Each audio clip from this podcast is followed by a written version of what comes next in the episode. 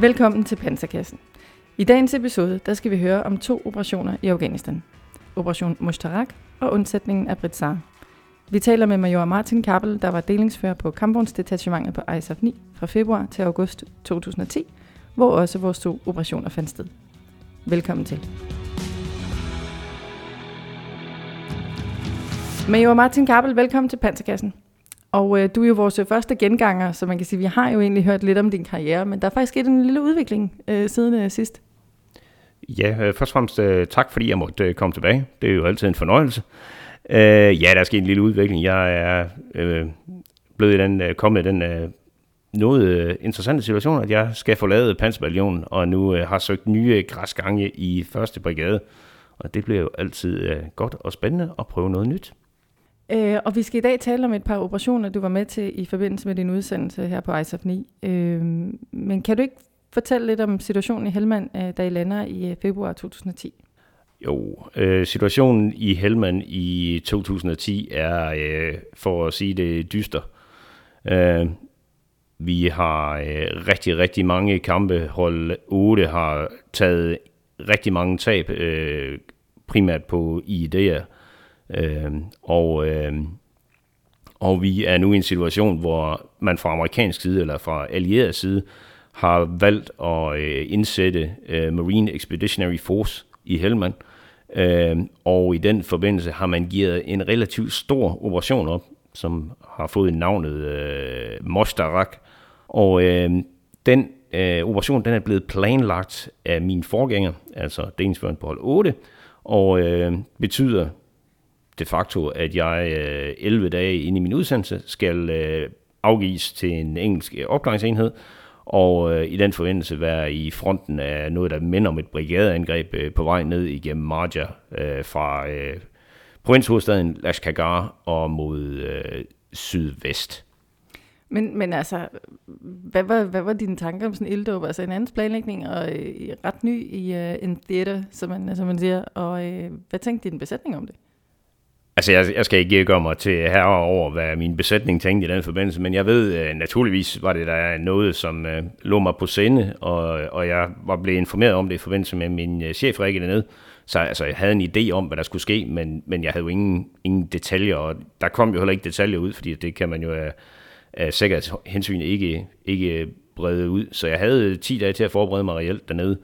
øh, men øh, altså, sådan på et personligt plan var jeg sådan relativt klar. Det var jo øh, ikke, trods alt ikke så længe siden, jeg havde haft en, en ret, en ret øh, hård tur i Irak, hvor jeg havde oplevet en del kamp i forvejen. Så, så altså, jeg, jeg havde måske sådan en eller anden fornemmelse af, at, at jeg havde en idé om, hvordan verden hang sammen, også når man blev skudt på.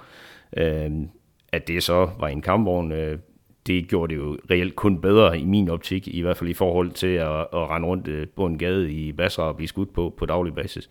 Så, så i dybest, dybest set så havde jeg god ro i maven og en, en tro på, at vores uddannelse den var tilstrækkelig, og den var god nok til, at vi kunne levere det, der skulle leveres i den forbindelse. Hvad, er så, øh, hvad var rammerne for operationen? Ja, men så som jeg allerede har været inde på, rammerne var jo, at øh, der var sammensat en brigadestørrelse enhed, øh, bestående af øh, engelske opklaringsenheder, amerikansk infanteri øh, fra Marine Corps og øh, et relativt stort antal assets, øh, amerikanske ingeniører, øh, øh, masser af øh, luftstøtte, masser af artilleristøtte, og så også den her famøse danske kampvognsdeling, som øh, blev afgivet til den engelske opklaringseskadron, Alpha Squadron, fra Household Cavalry øh, i et forsøg på at øh, give den noget mere punch i forhold til nogle af, af, af de strong points, som de skulle passere på vej øh, på den anden side af Marja. Så derfor så var vi afgivet i et kommando-kontrolforhold til dem. Øh, ja, de facto fuldkommen. Øh, og øh, det var en operation, der var planlagt til for vores vedkommende og øh, var imellem 3 og 4 uger. Så det var også relativt lang tid, vi var væk. Øh, og derfor så havde vi relativt mange øh, forsyninger med, i form af altså nogle reservedele, men primært øh, diesel, og selvfølgelig også ekstra ammunition, med henblik på at kunne understøtte os selv i den periode. Øh, vi var dernede. Og samtidig så var vi også, øh, altså, så var vi sendt afsted, øh, kan man sige, øh, med, med, med det formål, at vi skulle selv gennemføre forskydning, fremrykning dernede, øh, med henblik på at, at, at linke op med den engelske enhed, og så fortsætte altså direkte ind i theater derfra. Ja, det er faktisk øh, den, øh, den største øh, koalitionsoperation i Afghanistan på det her tidspunkt siden øh, Talibans øh, fald. Øh, Marche, som, som ligesom er hovedmålet med, med operationen, ligger cirka 25 miles sydvest for provinshovedstaden i Helmand, øh, Men det var ikke sådan en lille provinsflække, øh, Marche. Øh, kan du fortælle lidt om byen? Ja, altså, nu var, jeg kan sige, vores, øh, vores øh, operation havde ikke så meget med byen at gøre, og det har selvfølgelig noget at gøre med, at kampvognen egner sig bedst til det åbne terræn. Men det vi primært havde, det var øh, øh, rural country, altså det vil sige øh, compounds, spredte compounds dernede, de lå med 300-400 meter imellem dem, øh, små øh, og, middelst, og, og mellemstore landsbyer, der lå øh, sådan i området dernede, øh, relativt fladt, øh, og det var jo i februar måned, så det var øh, koldt, det var gråt, og det var brunt. Øh, der var ikke så meget bevoksning dernede, og, øh, og det var egentlig det, vi havde. Altså Marja som, som byområde havde vi ikke så meget med at gøre, så det var de der mindre landsbyer, vi, vi opererede i for at skabe forudsætning for øh, det, der i virkeligheden var, var, var det vigtige operationen. Og, øh, og det var at etablere kontrol med den infrastruktur, der var i terrænet. Øh, det var således, at Taliban havde øh, lagt en del idéer på vejen dernede og lukket nogle veje af. Og det var et øh, simpelt trick eller middel til at skabe nogle ganske få hovedfærdselsårer, som de kontrollerede, og som de kunne pålægge skat, hvilket gjorde, at øh, de her veje de blev en voldsomt stor indtægtskilde for Taliban i området, og det var det, man fra øh, koalitionsside ønsker at gøre op med og det ønsker man at gøre ved at gennemføre noget road clearing. Øh, man ønsker at etablere nogle øh, strongholds, øh, nogle sanger og noget bevogtning, således at man kunne holde vejene frie, og dermed tilsikre, at lokalbefolkningen kunne bevæge sig, uden at de var pålagt vejskatte af Taliban, og dermed var med til at understøtte øh, deres øh, krigsførelse rent økonomisk nu nævner du vores, øh, nu nævner du modstanderen lidt. Øh, hvad er det for en, øh, hvad er det for en modstander, der øh, I møder i den her operation? Altså, man kan sige, Marja var, var jo kendetegnet ved at være, øh, altså modstandere i det område var kendetegnet ved at være ikke 10 dollar Talibans, men, men rent faktisk øh, relativt gavede kriger. Øh, det var nogle af de samme mennesker, som man blandt andet også havde været i kamp med nogle år, eller et par år tidligere i forbindelse med Pancha Pelang, eller Panderens Klør, som var en relativt stor operation, der kørte på hold 7, øh, hvor man også forsøgte at, at rydde op i, øh, i, i de her kriger. Øh, så det var øh, forholdsvis veluddannede og erfarne mennesker, som vi var op imod her. Med, med operationen ønsker man at gennemføre det, de kaldte government in a box, hvor man ligesom indsætter øh, en, en, en lokal regering, kan man sige, i, i marge. Øh, og det lykkedes nok aldrig rigtig helt, øh, efter man ligesom havde fjernet øh, Taliban. Øh, men, men en af forudsætningerne for, at øh, I skulle føre den her kamp, det var øh, courageous restraint. Kan du ikke prøve at fortælle lidt om det? Jo, men altså man kan sige, det var i hvert fald et grundvilkår. Øh, det, det handlede om, det var jo, at den her, den kom jo stort set helt fra McChrystal, som på det var en tidspunkt var øh, chef i, øh, i Afghanistan. Øh, og det handlede jo i virkeligheden om, at øh, man havde en, en formodning om, at man fra koalitions, koalitionens side var ved at, at, at miste grebet om det, man kalder hearts and minds, altså evnen til at vinde lokalbefolkningens tillid og deres støtte til operationen. Og øh, man havde en tese om, at hovedårsagen til det handlede om collateral damage, altså utilsigtede skader på civile og deres ejendom. Og øh, ud af det, der blev født et, øh, et koncept, som man fra amerikansk og engelsk side valgte at døbe Courageous Restraints, hvilket vil sige, at man holdt sig tilbage, forstået på den måde, at selvom man måske blev beskudt, så længe det ikke var øh, under trusler om, om lægemsbeskadelse eller død, så skulle man afholde sig fra at, at, øh, at, at skyde tilbage. Og, øh, og kaste sig ud i kampen. Og det var et øh, relativt nyt koncept, fordi i hvert fald de første hold øh, øh, i Afghanistan, der var der en, en noget mere hvad kan man sige, liberal holdning til, øh, til brugen af, af ild, og ikke mindst øh, tung ild, i forhold til at, at skabe det momentum, som man havde behov for i, i forbindelse med kampen. Men på det her tidspunkt, der var der en relativt stor fokus på, øh, at man skulle, øh, man skulle minimere øh, de collateral damage, øh, og at det så betød, at man i nogle tilfælde ikke skulle engagere modstanderen selv, og man måske reelt også inden for roen havde muligheden for at gøre det. Så det var dybt set det, det handlede om. Mm. Og man har også, øh, man var ude øh, noget tid inden operationen rent faktisk, og, øh, og reklamere for, øh, for operationen blandt øh, lokalbefolkningen. Kan du ikke fortælle lidt om, hvad er fordelen og ulemperne ved det? Altså det kan man jo sige, at ud fra sådan et, et militært, almindeligt militært øh, forståelsesmønster, så vil det jo være forkert. Og, øh, og, og fordi i det, man fratager egne styrker, overraskelsesmomentet, og overraskelsen er jo, tror jeg nok, stadigvæk en del af, af krigsførelsens grundprincipper. Men øh, det skulle jo vejes op imod øh, risikoen for yderligere collateral damage, altså utilsigtede skader på civile.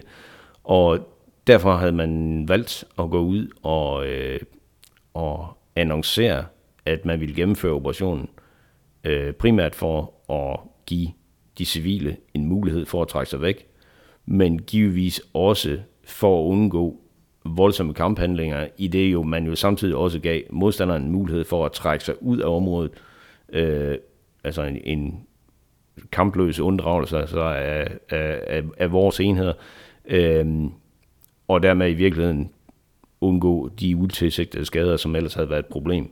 Øh, så man kan sige, at det var de to ting, man skulle veje op imod hinanden. Øh, risikoen bestod naturligvis i, at hvis man, når man gør den her slags, så giver man modstanderen gode muligheder for at forberede sig. Ikke mindst en modstander, som øh, forlader sig primært på idéer og baghold, som jo nærmest er skabt til at, at, øh, at gøre, øh, eller have, have stor effekt, når særligt når man har et, et godt efterretningsbillede af, hvad, hvad vi havde tænkt os at gøre.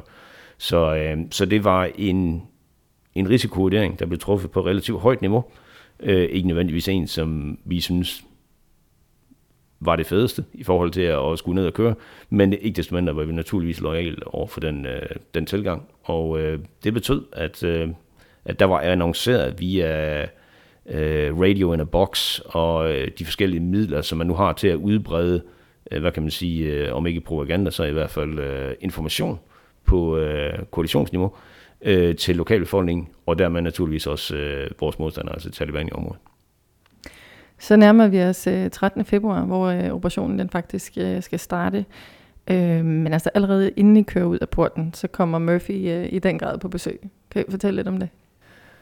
Jo, altså jeg ved ikke, om øh, han kommer på besøg, før vi kører ud, men øh, vi kører ud øh, med den planlægning, der ligger på det her tidspunkt, og man kan naturligvis sige, at havde jeg været en lille smule mere rutineret, er det ikke sikkert, at jeg var, havde valgt at køre ud uden øh, min egen ingeniør, og måske mit eget, en, en, en, en større grad af, af sanitetsstøtte. Men øh, vi kørte ud, og vi valgte at køre fra Price til Jiraiya Junction og dreje ned af, jeg tror den hedder 601, med henblik på at komme til Lashkar, hvor det var planen, at vi skulle linke op med en lokal enhed, øh, umiddelbart øh, på den østlige side af Helmandfloden, øh, og derefter vente med at køre over. Der er en, et, et, en relativt stor bro i Lashkar, som ikke er ulig den, som, som vi var vant til at køre over i Gerisk. Øh, og derefter fortsætte over broen og øh, linke op med det, den britiske, det britiske call fra øh, Household Cavalry øh, i, en, i en, et compound, der, hed, der blev benævnt Super Sanger, som var et, en, en befæstet øh, compound-gruppe, som, som englænderne sammen med lokale ANA-styrker sad på. Øhm, og altså, man kan sige, at øh, selve bevægelsen dernede går sådan set udmærket, bortset fra, at min øh, træer, han øh, mister øh, stabilisering på sit tårn. Så, og for dem, der ikke måske lige er helt med på, hvad det betyder på en kampvogn, så betyder det stort set, at øh, kampvognen den har de samme muligheder for at kæmpe som en kampvogn under 2. verdenskrig. Det vil sige, at man har noget drej, man har en sigtekikkert, øh, og øh, det giver nogle begrænsninger i forhold til at køre og skyde. Øh, og det er naturligvis en, en, altså en, en, en ret problematisk ting, når vi har en tredjedel af vores kampvogne, der, der er i det niveau. Men øh, ikke desto mindre, når vi frem øh, og kommer til den første lejr, øh, den, på, altså den dag, hvor vi kører ud, øh, og hvor efter jeg så træffer en beslutning om, at øh, det ikke er så hensigtsmæssigt der, hvor vi skal være. Der er relativt dårlig sikring, og der er også en bevægelse, som vi skal foretage os næste dag, øh, som vil komme til at øh, blive gennemført, mens der er myldretid i Laskagar, og det er sådan en bevægelse ind igennem byen med en øh, kammersenhed, og det tager jeg en beslutning om, at det er nok ikke det, vi skal. Så vi laver vores eget lille mini Thunder Run øh, om natten, og kører igennem Laskagar for relativt høj hastighed, og kører over broen, og øh, når frem til Supersanger om morgenen og får linket op. Øh, og dermed så undgår vi jo at, at blive, øh, blive blandet ind i den, den lokale myldretid om morgenen og trafik og alle de der ting, som jo også giver en øget risiko, blandt andet fordi, at øh, Virkoborn og ADIS og den slags jo også var noget, vi skulle tage højde for. Og man kan sige, at rigtig mange mennesker, rigtig mange biler, rigtig tæt på din kolonne, det er som udgangspunkt ikke noget, man ønsker. Så derfor så valgte vi at, at trække den beslutning og køre igennem og linke op med englænderne der om morgenen. Holdt du været lidt, da I kørte over den der bro, som I måske ikke lige helt havde målt så meget på, eller hvordan var det? Nu er det en relativt lang bro, så havde jeg holdt vejret, så har nok blevet blå i hovedet, men øh, måske en anelse, en lille smule bekymret, mens vi kører over. Øh, men øh, ikke desto mindre, så kom vi over i god orden, og øh, fik, øh, fik linket op med englænderne, så det var, det var alt i alt var den del en succes i hvert fald. Og hvad sker der så? Jamen, øh, så sker der det, at jeg får linket op med, med den britiske major, som har ansvaret for opgaven. Og øh, han øh, får givet øh, designer for, hvad han ønsker, jeg skal gøre. Og i første omgang skal jeg, vi øh, køre ud og øh, sikre et område, som er benævnt Bowland Junction. Øh, I virkeligheden et øh, T-kryds, øh, som kontrollerer transport, eller kan man sige, øh, til afgangsvejene fra Supersanger ud til Bowland, og derfra i nord-sydgående retning øh, hovedvejen, som fortsætter ned mod Five Fingers, hvor vi havde øh, US Marine Corps, der opererede ned, øh, og derfra også en vej, der gik mod nord, hvor der var yderligere engelske enheder op. Øh, det skal så siges, at, øh, at om natten, da vi kommer ned der, øh, får vi linket op med en, et amerikansk ingeniør-callsign. Øh, og det var jo øh, de bedste øjeblikke fra Generation Kill. Et ingeniør-callsign, der dukker ud af mørket, kommer ned til os og spørger, hvem vi er og hvad vi laver. Og øh, måske var en lille smule i tvivl om, hvor de selv var, øh, og hvor de skulle sikre hen. Men øh, vi fik dem bragt i stilling, og dagen efter fik de så længe op med de øh, respektive øh, partnere, de skulle ud med.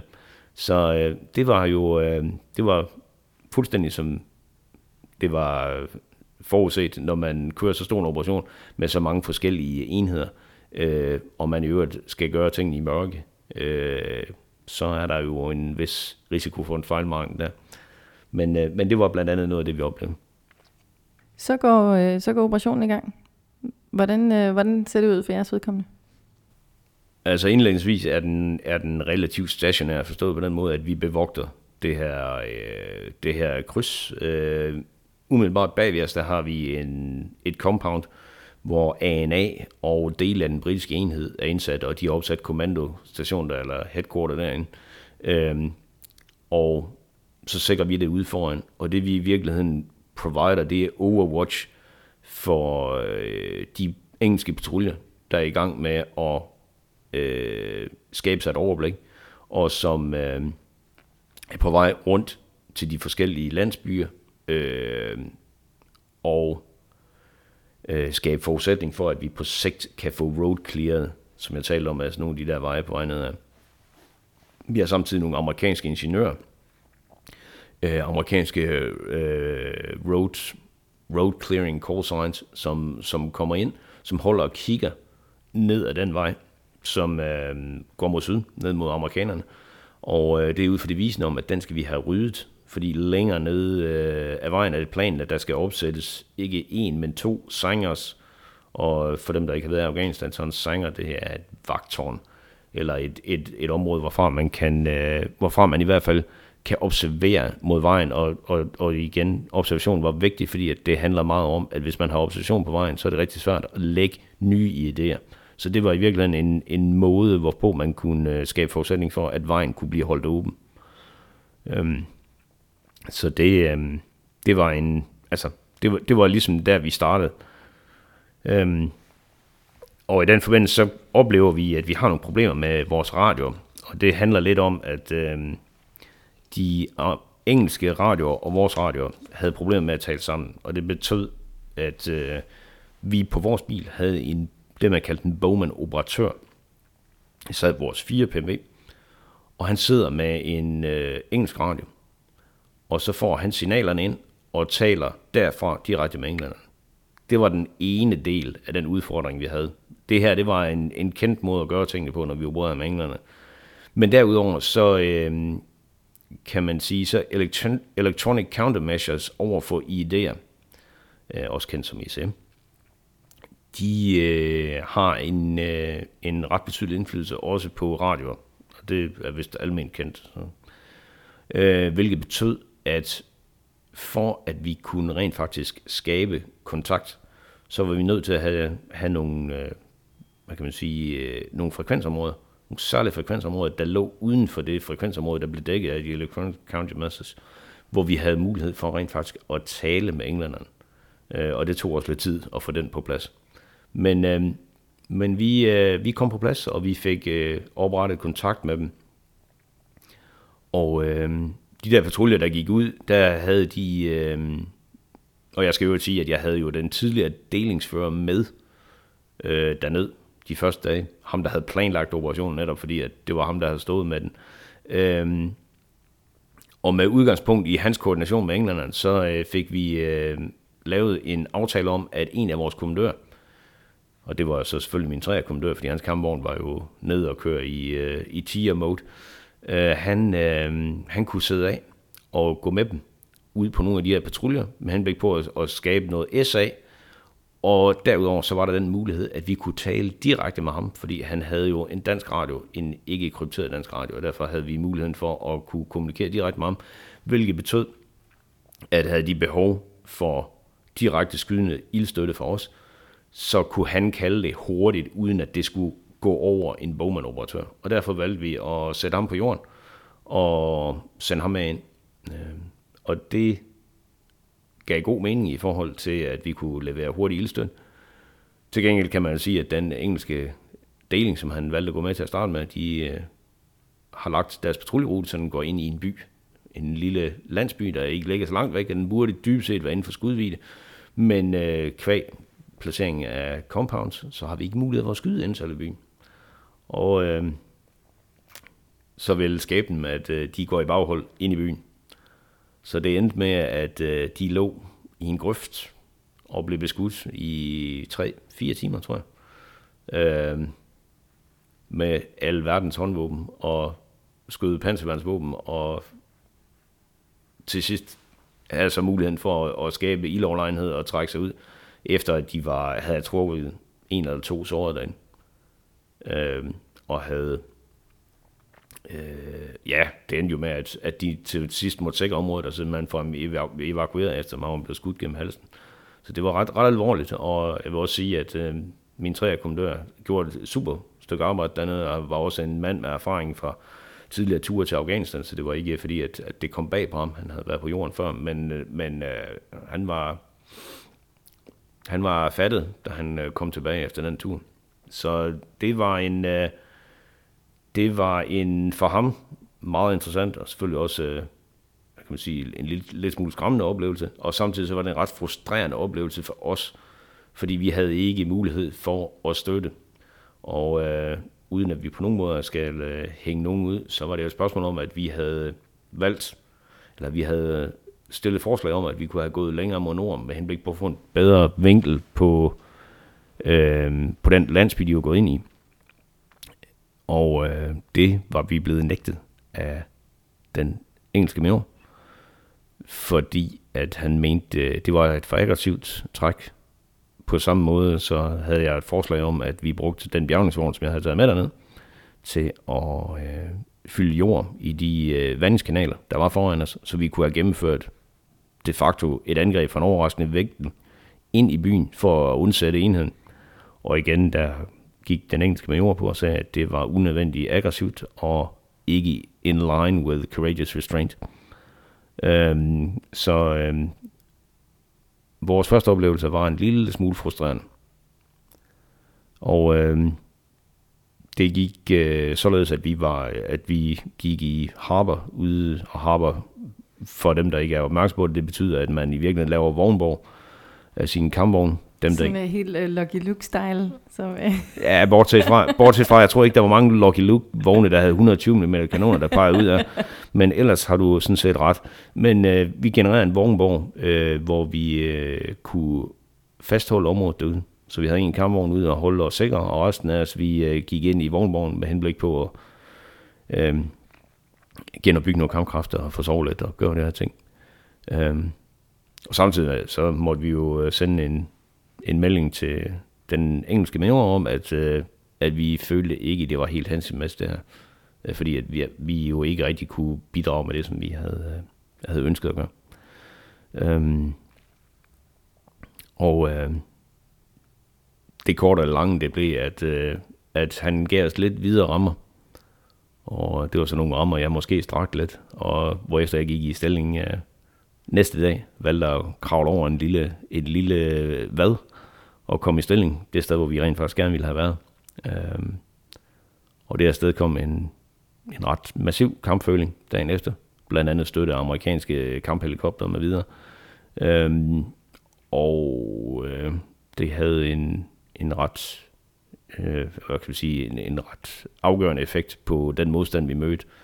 Faktisk øh, gik det hverken værre eller bedre, end at de næste 8-9 dage, der havde vi stort set ingen skudepisoder omkring os.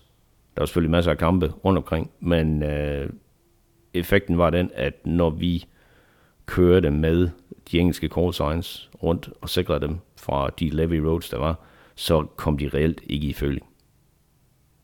Så øh, der kan man sige, at, at der, der havde vi en, en ret en klar, øh, en klar indikation af, at, at vi havde effekt af det her. Øhm, og øh, altså det var det, det var sådan, at, øh, at man ved fra ICOM chatter, altså den meldinger, de meldinger, som man kunne lytte på Talibans net, at øh, meldingerne var konsekvent, at når de danske kampvogne var til stede, så ønskede man ikke at kæmpe. Man ønskede ikke at engagere, fordi at man havde en, en klar formodning om, at, at det ville ende skidt for en. Så, så der kan man sige, at der havde løst vi en, en opgave, øh, og faktisk med udgangspunkt i den, den ene den, den ene kamp, der øh, var der relativt meget ro omkring den engelske enhed øh, resten af tiden dernede. Ja, og det var ligesom jeres øh, hovedopgave. Øh, kan du sige noget om operationen, sådan ellers, hvordan den forløb, og hvad, hvad blev egentlig outcome af, af den operation? Altså, afkomme på det strategiske niveau, det skal jeg nok forsøge at afholde mig fra at, at komme ind på, men det der reelt skete, det var, at vi fik åbnet vejen, og øh, det var måske lidt interessant, fordi at, øh, da de havde road clearet den vej, så øh, valgte man, så valgte den amerikanske major, som i øvrigt havde skaffet noget, øh, skaffet noget, øh, nogle kamphelikopter til at støtte den dag, hvor vi ligesom skulle, skulle statuere et eksempel. Øh, han øh, ville gerne have, at vi kørte en tur ned bag ved det der road clearing call sign, øh, ned til der, hvor han havde etableret sig i sin, øh, sin kampstillinger, øh, primært for ligesom at, at at, at give indtryk af, at nu var vejen altså åben, og at i øvrigt så var der enheder, også slagkraftige enheder til stede, der kunne støtte ham. Øhm, og øhm, det valgte vi at gøre, eller at gøre, og det gik, øh, det gik godt.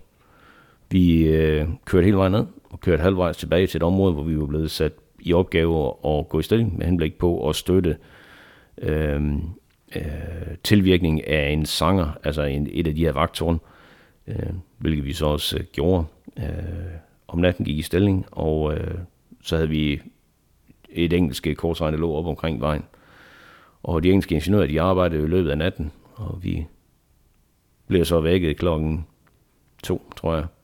Først af en bakalarm fra en, øh, fra en øh, læsemaskine, og derefter af et meget, meget højt drøn. Øh, og den pågældende læsemaskine var så kørt på en øh, ID midt på vejen. Og det, der var øh, det gode, var naturligvis, at den englænder, der sad i den, han var slap fra det, uden øh, de store men. Øh, læsemaskinen var knækket med over. Men det, der var mere interessant, det var, at øh, det var på det vejstykke, vi havde kørt. Øh, og det, det reelt viste sig, det var, at det amerikanske road clearing call sign havde magtet ikke at finde 13 idéer, der lå nedad. Heldigvis var der ingen af dem, der havde et brugbart batteri, hvilket betød, at der ikke var nogen af dem, der var eksploderet på vej ned. De havde, jeg tror, de fandt to på vej ned, og resten af dem var de kørt henover. Så øh, man kan sige, at heldet smilede også til os, til betragtning, at vi havde været en tur dernede af, før vi kom i, øh, kom i stilling der om natten. Øh, men øh, heldigvis, så var der ikke øh, umiddelbart flere, øh, flere episoder for, for englænderne på det område der. Og efter kort tid fik de indsat deres Brimstone call sign, som er deres counter IED units, og de fik fundet de 13 idéer, fik dem ryddet, og så fik vi rent faktisk åbnet vejen. Og der kan man sige, at i den periode, og ikke mindst den periode, hvor øh, Marine Expeditionary Force var indsat i Helmand, der var der faktisk forholdsvis godt greb om situationen ned mod syd, og man havde muligheden for fra Lashkar, som jo er provinshovedstaden, og øh, iværksætte forskellige tiltag, øh, som altså helt åbenlyst øh, svækkede Taliban og deres indflydelse. Så man kan sige, hvis man kigger isoleret på operationen, så var den del, sådan som udgangspunkt, en succes. Øh, evnen til at fastholde det forsvandt naturligvis i, i takt med, at man senere trak øh, øh Marine Corps ud af, af Helmand. Øh, Øh, men, men det er jo en, altså det er jo en længere historie. Men, men hvis man kigger isoleret på operationen, så var den ikke en succes. Og den var jo primært en succes, fordi det man havde gjort var, at man masserede enheder. Man havde rent undtagelsesvis de rigtige ting på plads. Man havde alle enablers på plads. Man havde omfattende enheder øh, i området, og man gik ind øh, massivt og satte sig på noget og fik gennemført noget. Og hvad med jer selv? Altså, gik det som øh, du havde håbet og forventet og troet og alt det der? Altså, øhm, man kan sige, øh, vi, vi, havde, vi havde jo relativt meget tid, hvor vi, hvor vi holdt i en stilling og sikrede. Og det var jo øh, rigtig meget øh, historien om, om, om de danske kampvogns indsættelse i Afghanistan. Selvfølgelig var der også noget, hvor vi kørte og gjorde nogle ting, men rigtig meget af det var jo kamp for stilling, hvor vi holdt i, i området. Men dybest set så gik det jo godt. Altså, vi, øh, vi kørte ikke på nogen idéer. Vi øh, løste opgaven. Øh, englænderne var rigtig glade for, at vi var der. Og øh, det kan man måske øh, tage som det aller sidste eksempel. Det var, at da vi var på vej væk dernede fra, så kom der ICOM chatter om, øh, der gik på, at øh, vi var på vej væk, og nu er det tid at angribe. Hvorefter vi gjorde omkring og kørte ned og gik i stilling, øh, i tilknytning til den engelske stilling. Og øh, så blev det meget tydeligt, at der var ikke nogen, der havde lyst til at slås den sidste dag. Eller Så dybest set, så var min oplevelse, at, øh, at vi løste opgaven. Vi var indsat øh, 21 dage, øh, mere eller mindre kan man sige, ikke alene, men dog øh, uden resten af bataljonen, hvilket vil sige, at vi, vi fik en masse selvtillid. Vi fik nogle erfaringer med at bo og være i ørkenen selv. Øh, noget med, hvordan, hvad kan vi gøre for at opretholde kampkraften. Og det vi reelt oplevede, det var jo, at vi nåede til tilstand, hvor vi ikke blev ved med at tabe kampkraft. Og det var faktisk meget interessant, fordi normalt, når man kører en øvelse i Danmark, så er det jo sådan, at uh, der torsdag nat, fredag morgen, der er man, uh, ligner man en hængt kat, fordi at, øh, man, man stort set ikke hænger sammen længere. Men i virkeligheden, når man er indsat skarpt over så lang tid, så begynder man at finde ud af, hvad det er for nogle ting, der skal til, for at man kan opretholde kampkraften også selv under meget primitive forhold, som det jo er, når man bor i, en, i virkeligheden i en vognborg om natten, og i øvrigt resten af tiden den er du på din vogn. Øh, så rigtig, sådan, dybest set, så var det en, en rigtig god oplevelse for os, fordi at det var med til at sammentømre deling, give noget selvtillid. Øh, vi løste opgaven. Altså, øh, vi havde, havde en enkelt dags fri øh, i løbet af den tur der, hvor, øh, hvor vi fik flået 1500 kilo øh, reservedel ind. Så skruede de kampvogne i en dag, og derefter så var vi klar med det hele, og så kunne vi køre direkte ud og være med igen. Så rigtig mange af de ting, som vi har svært ved at øve herhjemme, og som måske er noget af det, vi ikke får gjort, det fik vi prøvet, og vi fik rent faktisk set, at alle de der ting, de virker. Når man har alle enablers med, og de spiller ind i det rigtige mønster, så kan man virkelig komme langt. Øh, så, så dybt set så gav det også en masse selvtillid, og øh, et rigtig godt, en rigtig god forudsætning for resten af vores tur dernede. Var der noget af sådan af dit øh, opklaringshjerte, der sådan øh, glødede lidt ekstra de der 21 dage der, hvor jeg ligesom var øh, indsat bag, øh, om så ikke bag fjendens linjer, men i hvert fald i fjendeland?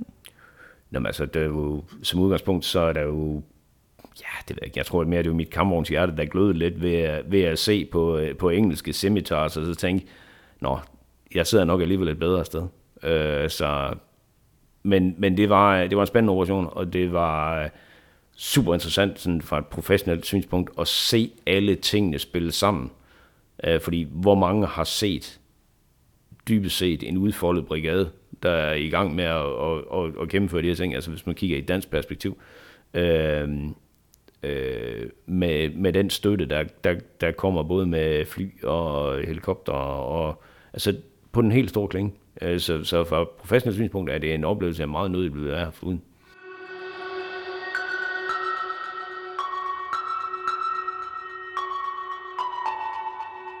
Så skal vi til at tale om øh, undsætningen af Britsar øh, et par måneder senere, fordi vi springer faktisk til øh, 4. maj 2010. Øh, men prøv lige at starte med at fortælle lidt om øh, Patrol Baseline. Hvad er det egentlig?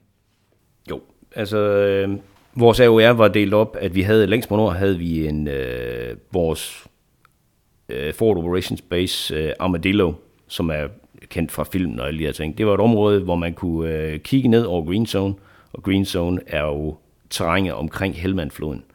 Øh, Green Zone er dimensionerende på alle måder, fordi at det er der, hvor varer, mennesker, øh, våben, alle former for økonomi, det er koncentreret omkring det her, den her, det her område, hvor man kan kunstvande, øh, og hvor man kan dyrke alting, og øvrigt også der, hvor folkene bor, mennesker bor generelt. Så, så den, der har kontrollen med Green Zone, har som udgangspunkt kontrollen med området. Øh, længst mod nord havde vi som sagt Armadillo, den er kendt fra filmen. Længere mod syd, der havde vi en, øh, det man kaldte Patrol Baseline, som var en linje af forber, altså Forward Operations Bases. Der var fire i alt, øh, og øh, længst, mod, længst ude i ørkenen, eller der lå Clifton. Derefter så kom Britsar, så kom Spondon, og så Malvern, som ligger helt nede ved øh, Nebkanalen, som var en, en, kan man sige, en kunstig gravekanal, der lå som en del af Helmandfloden. Øhm, og den her linje, den øh, var oprindeligt besat af ANA, altså den afghanske her. I løbet af vores hold, så valgte ANA så på et tidspunkt at sige, øh, nu går vi.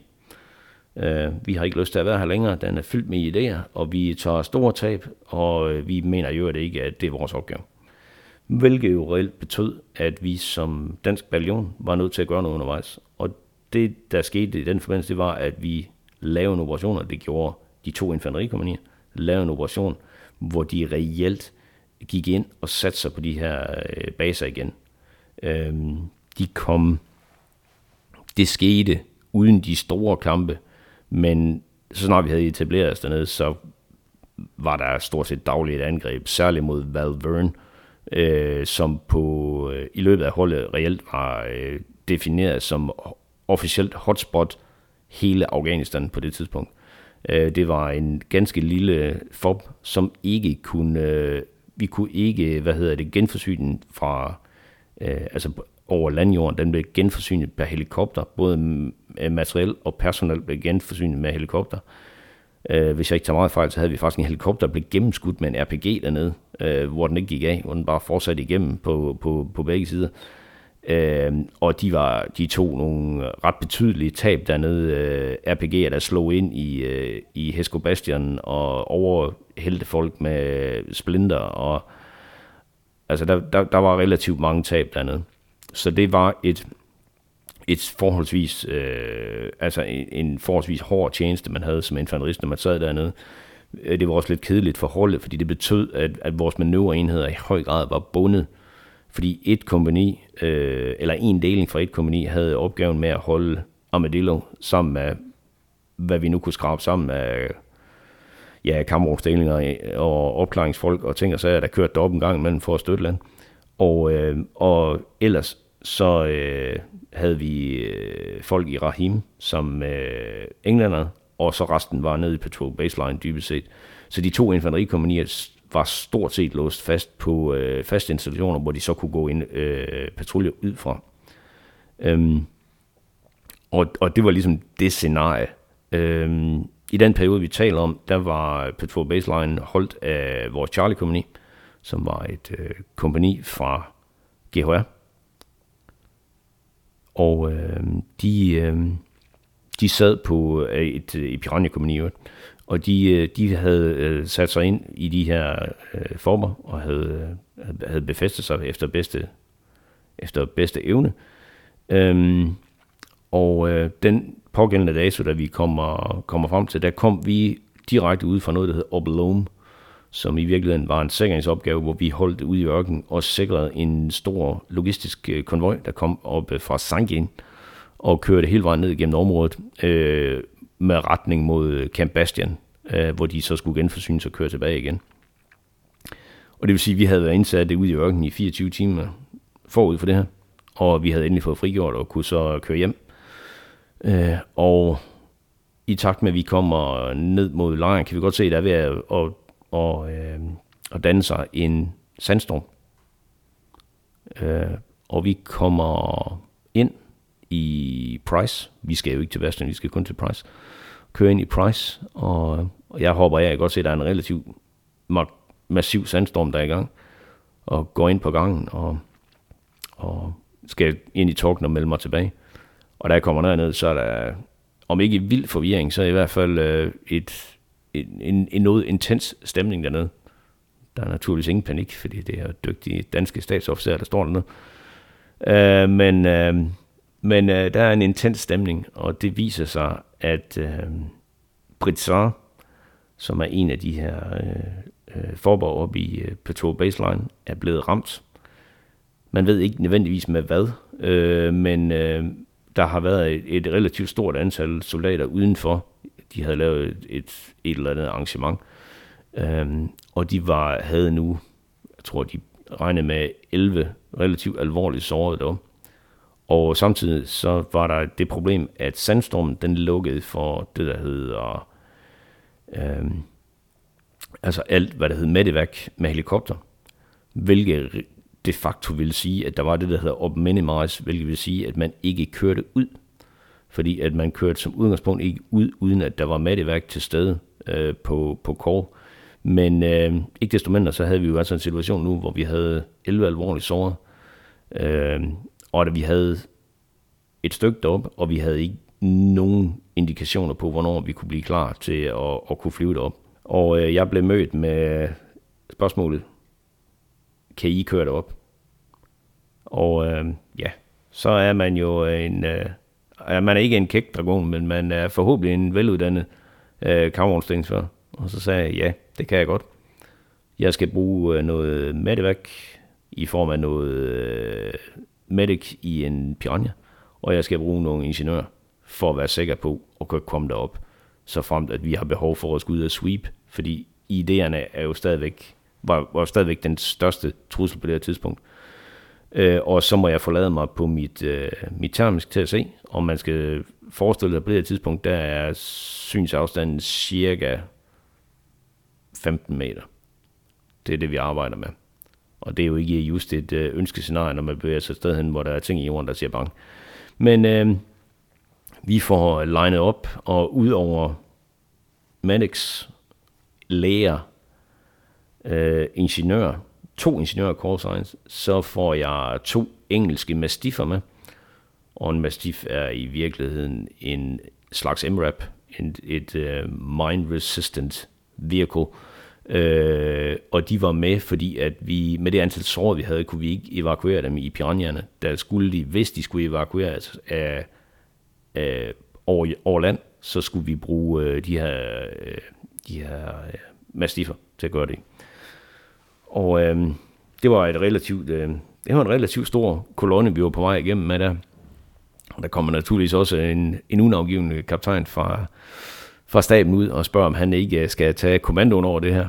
Øh, hvorefter jeg måtte øh, spørge ham, om øh, han troede, det var ham eller mig, der bedst kunne se ud i mørket. Og det måtte han jo erkende, det var nok mig. Nå, så er det nok mig, der leder den. Og det var det, der skete. Og så kørte vi, øh, så kørte vi ud, og øh, det blev en, øh, det blev en øh, interessant tur. Cirka 200 meter ud af lejren, der melder de to engelske mastiffer op, at de kan ingenting se, for de kører med, øh, de kører med lysforstærkning, har jo ikke termisk. Og øh, de vælger begge to at køre i en grøft. I øvrigt efter, at øh, afghanere fra Checkpoint 1 har valgt at skyde på dem, fordi de ikke havde nogen idé om, hvem, øh, hvem der kom kørende ud i mørke. Øh, men øh, det betød, at øh, et af de to MP call signs, som jeg også havde med, dem måtte jeg befale til at gøre holdt og øh, koordinere bjergningen af de her to vogne, og øh, derefter få dem trukket tilbage til Price og komme indenfor. Så cirka 200 meter ud, der mister jeg mit første MP Callsign og øh, to mastiffer. Hvorefter jeg naturligvis melder op til Ballon, at jeg fortsætter. Og øh, så tager vi en langsomlig tur derop, og i øvrigt mine tre kommandører kører forrest, fordi mine to kommandører er på liv. Øh, og han gør et rigtig, rigtig stort stykke arbejde med, at, og den her gang, der virker hans bil rent faktisk. Øh, men han, øh, han gør et rigtig, et øh, rigtig godt og stort stykke arbejde med at finde vej i, øh, i mørke på vej opad. Og øh, det går ikke hurtigt, men det går. Øh, indtil vi er nået cirka halvvejs derop, hvor efter DMP korsøjen jeg har tilbage, de så melder op, at deres øh, Eagle nu har motorproblemer og ikke kan køre videre.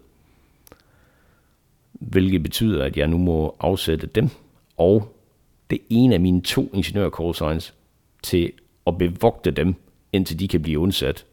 Fordi der er jo ingen, der kan køre ud og hente dem på det tidspunkt, så der er en, en øh, uh, ingeniørdeling, der sikrer dem, samtidig med, øh, at de sidder der, og så kører jeg videre. Og det er han nu tilbage af min kammersten, mit lægehold og nogle medics i en Piranha. Og mit ene ingeniør callsign. Og det er stort set, det var stort set det, jeg satte på at skulle have med fra starten af. Men uh, det er der tilbage på det tidspunkt. Og efter næsten tre timers kørsel, der når vi frem, og det er jo øvrigt igennem øh, valmuemarker og ting og sager med ingeniørerne ude og sweep i den der sandstorm der i desperat forsøg på at få os igennem. Og jo øvrigt det et spørgsmål om at køre igennem marker, fordi at øh, når man gør det, så er risikoen for, at der ligger i det mindre. Øhm, og vi når frem. Øhm, jeg kan du ikke lige sige, hvor langt var der egentlig derop?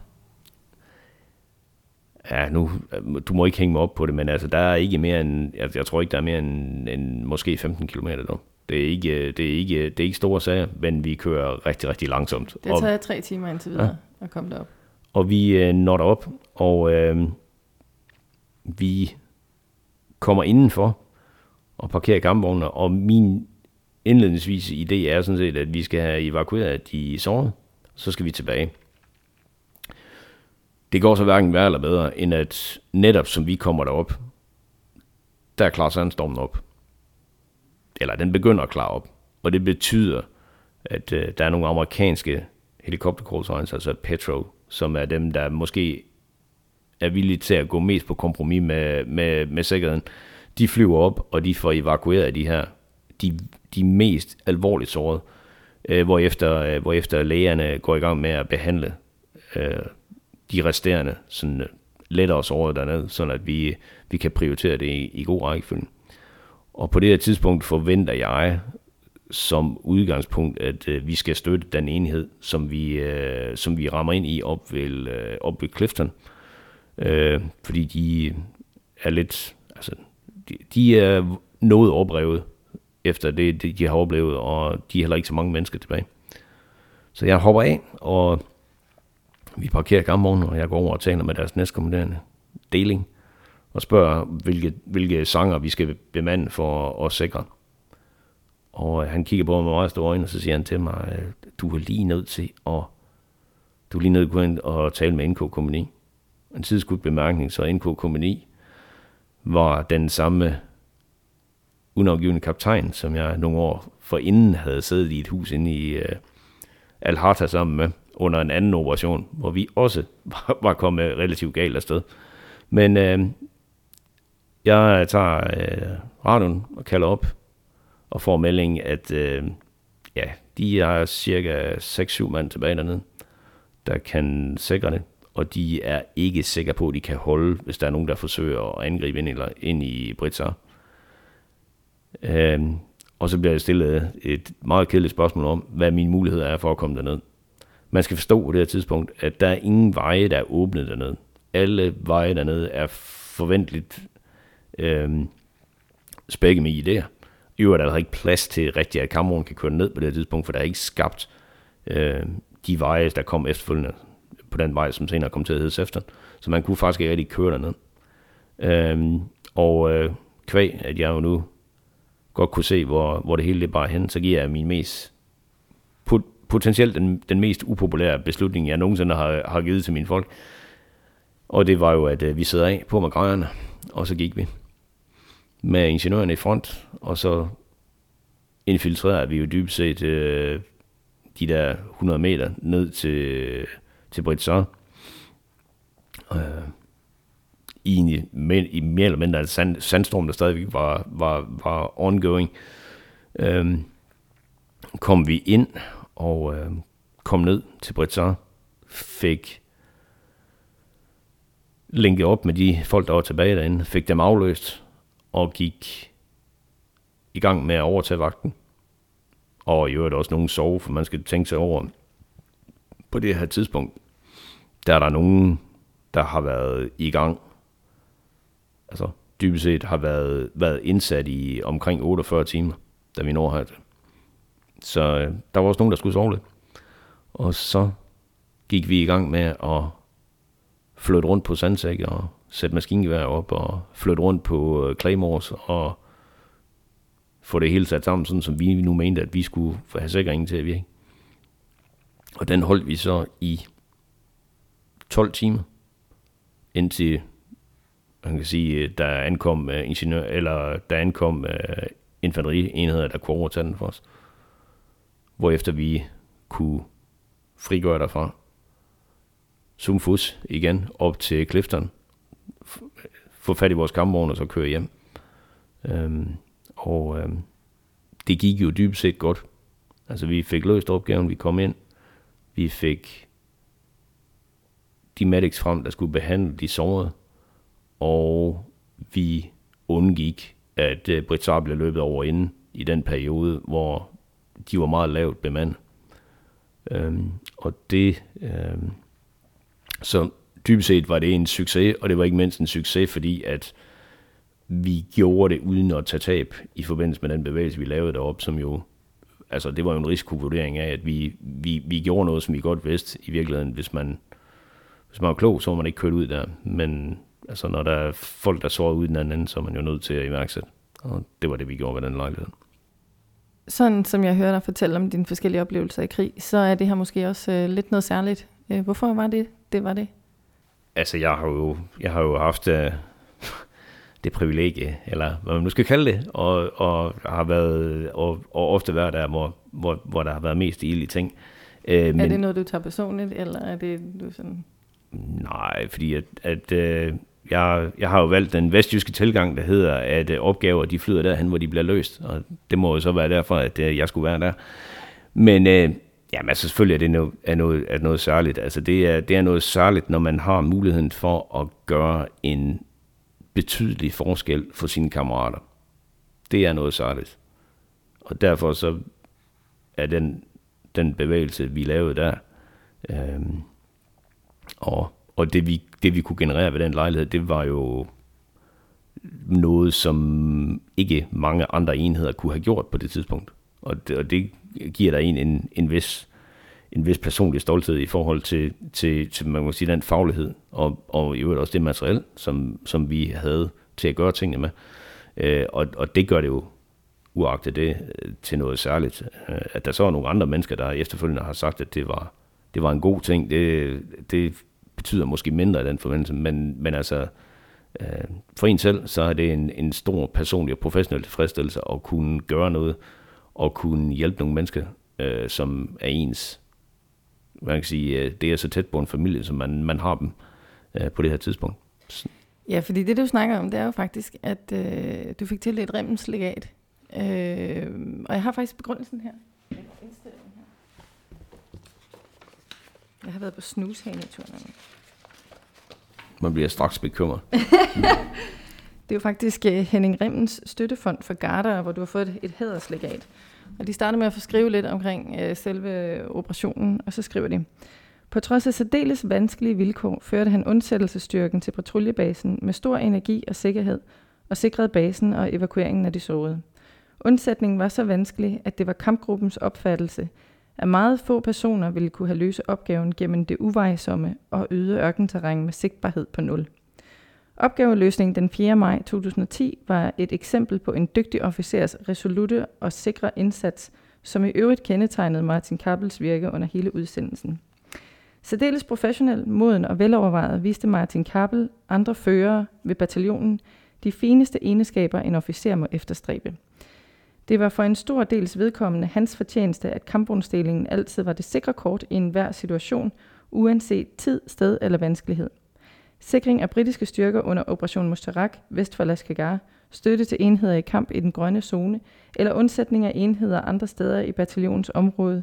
Premierløjtnanten var altid klar til at yde den afgørende indsats for bataljonen øh, og dens indsatte enheder.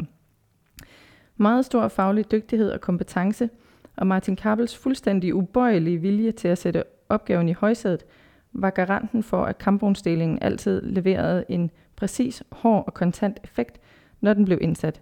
Som delingsfører sikrede han sig, at delingen altid var klar til enhver forudset eller uforudset opgave.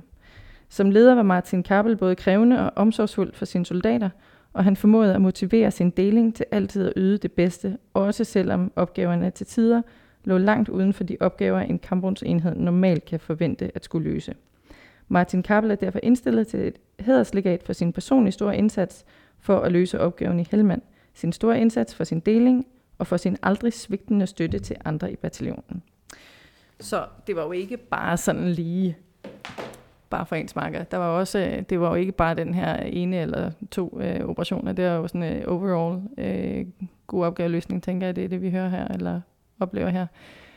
Så altså hele den tur der øh, på ISAF 9 med det kampbåds øh, detachement, I var afsted.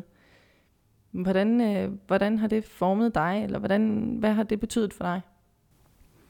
Jamen altså, det er jo for, for mig, og, og det kan man jo sige i de her tider, hvor man ser en helt anden type krig udspille sig i Ukraine, så er det jo trods alt dimensionerende, og det er, kan man sige, ja, det er dimensionerende for min forståelse af krig, og, og min oplevelse, personlige oplevelse af krig, det er, har jo været det.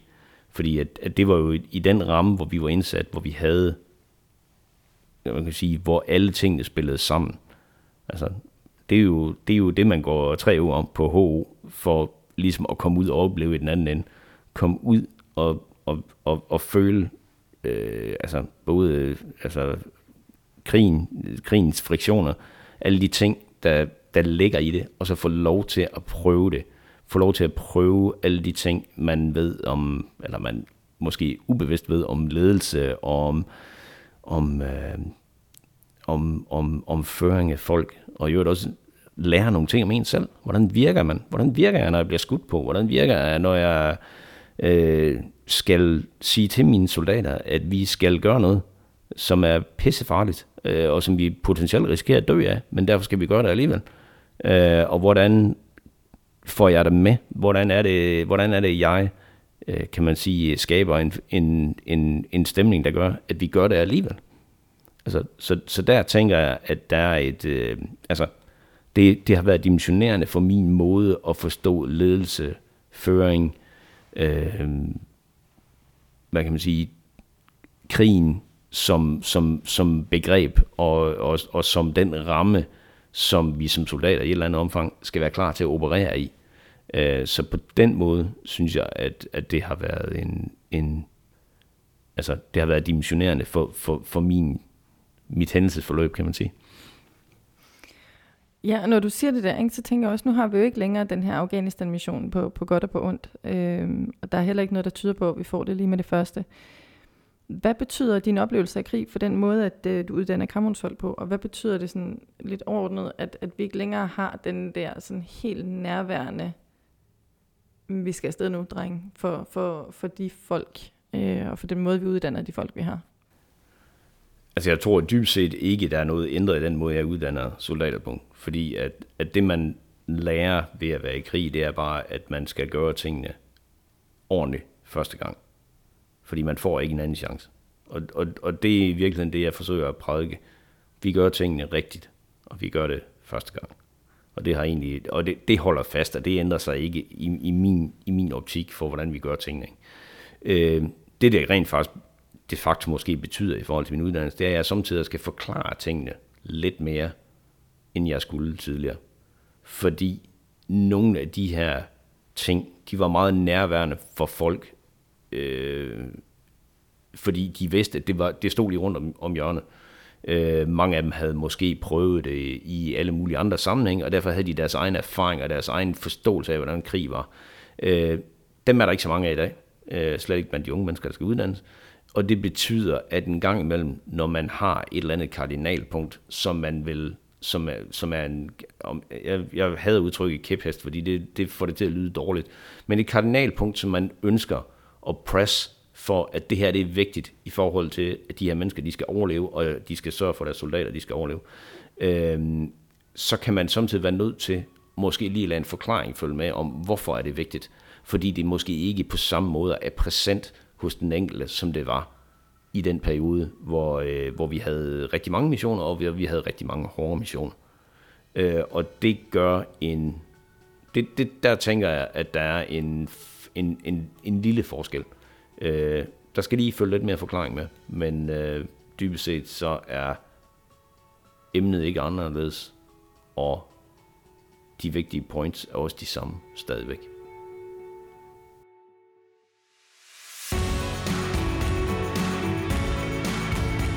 Det var panserkassen for den her gang. Tak til major Martin Kappel for at fortælle om operationerne i Afghanistan dengang i 2010. For konstruktiv feedback, tanker og idéer til kommende episoder, så skriv til panserkassen For flere episoder, så abonner på Panserkassen, der hvor du normalt lytter til dine podcasts. Tak fordi du lyttede med.